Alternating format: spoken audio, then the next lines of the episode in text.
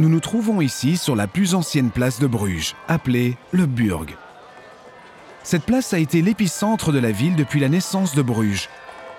Les façades majestueuses des bâtiments autour de la place datent de différentes périodes et ont chacune un style de construction différent. Mais chacun de ces bâtiments rayonne de grandeur. Aujourd'hui encore, cette place et ses bâtiments sont le cœur battant de la ville. L'hôtel de ville gothique du XIVe siècle en est toujours le centre politique et la basilique du 500 attire chaque année des centaines de milliers de visiteurs. La place est aussi un lieu de rencontre pour les brugeois et les visiteurs.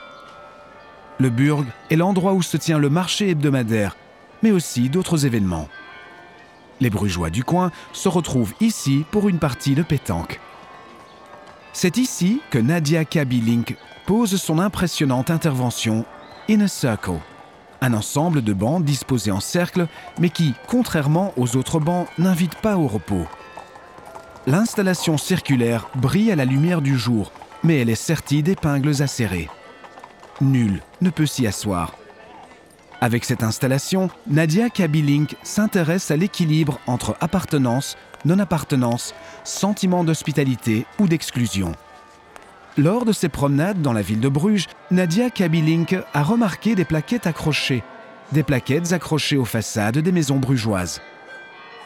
Ces symboles circulaires se réfèrent à des clubs élitistes et privilégiés qui logent derrière les façades. Les membres de ces milieux bénéficient de divers avantages et développent des relations commerciales. La loyauté n'est pas seulement un mot de code, mais aussi un devoir de confidence. Les problèmes potentiels sont cachés ou dissimulés. Ce genre de club ne se trouve pas seulement à Bruges, ils sont internationaux. Il s'agit souvent d'hommes riches qui souscrivent à la valeur ajoutée de l'adhésion. Il est faux de dire qu'il n'y a pas de place pour les autres dans de telles structures ou que des abus se créent et sont gardés secrets, comme la violence domestique ou la corruption. Ces traumatismes se produisent souvent à huis clos, laissant les victimes invisibles. Ce sont ces traumatismes que Kaby Link veut dénoncer et faire connaître à un large public. Inner Circle rappelle aussi les épingles souvent placées dans le monde occidental sur les bâtiments pour éloigner les pigeons. Link affirme que la communauté occidentale est la seule à considérer le pigeon comme une chose négative, alors qu'auprès de la communauté orientale, c'est un animal respecté, également symbole de paix. Dans le monde occidental, on semble l'avoir oublié. Link veut aussi souligner le principe de liberté. Un oiseau devrait toujours être symbole de liberté. Enfin, un banc est toujours synonyme de pause, un endroit où l'on peut se reposer ce qui n'est pas le cas avec ces bancs. Kaby Link crée un objet contradictoire qui porte des significations différentes. Sa signification est universelle car tout le monde sait ce qu'est un banc. Le cercle parfait dans lequel s'inscrivent les bancs rappelle la notion d'exclusivité. L'exclusivité est un bouclier et est souvent basée sur l'ignorance qui à son tour crée la peur et l'agression.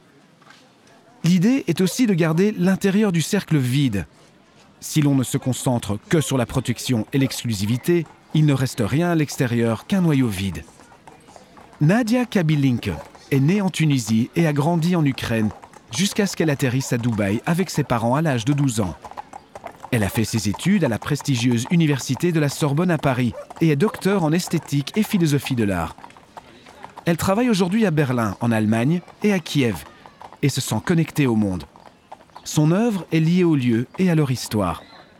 Elle explore des sujets tels que la perception, l'immigration ou l'identité et s'ancre dans des contextes culturels et historiques, sociaux et politiques. Pour ce faire, elle se sert de différents médias.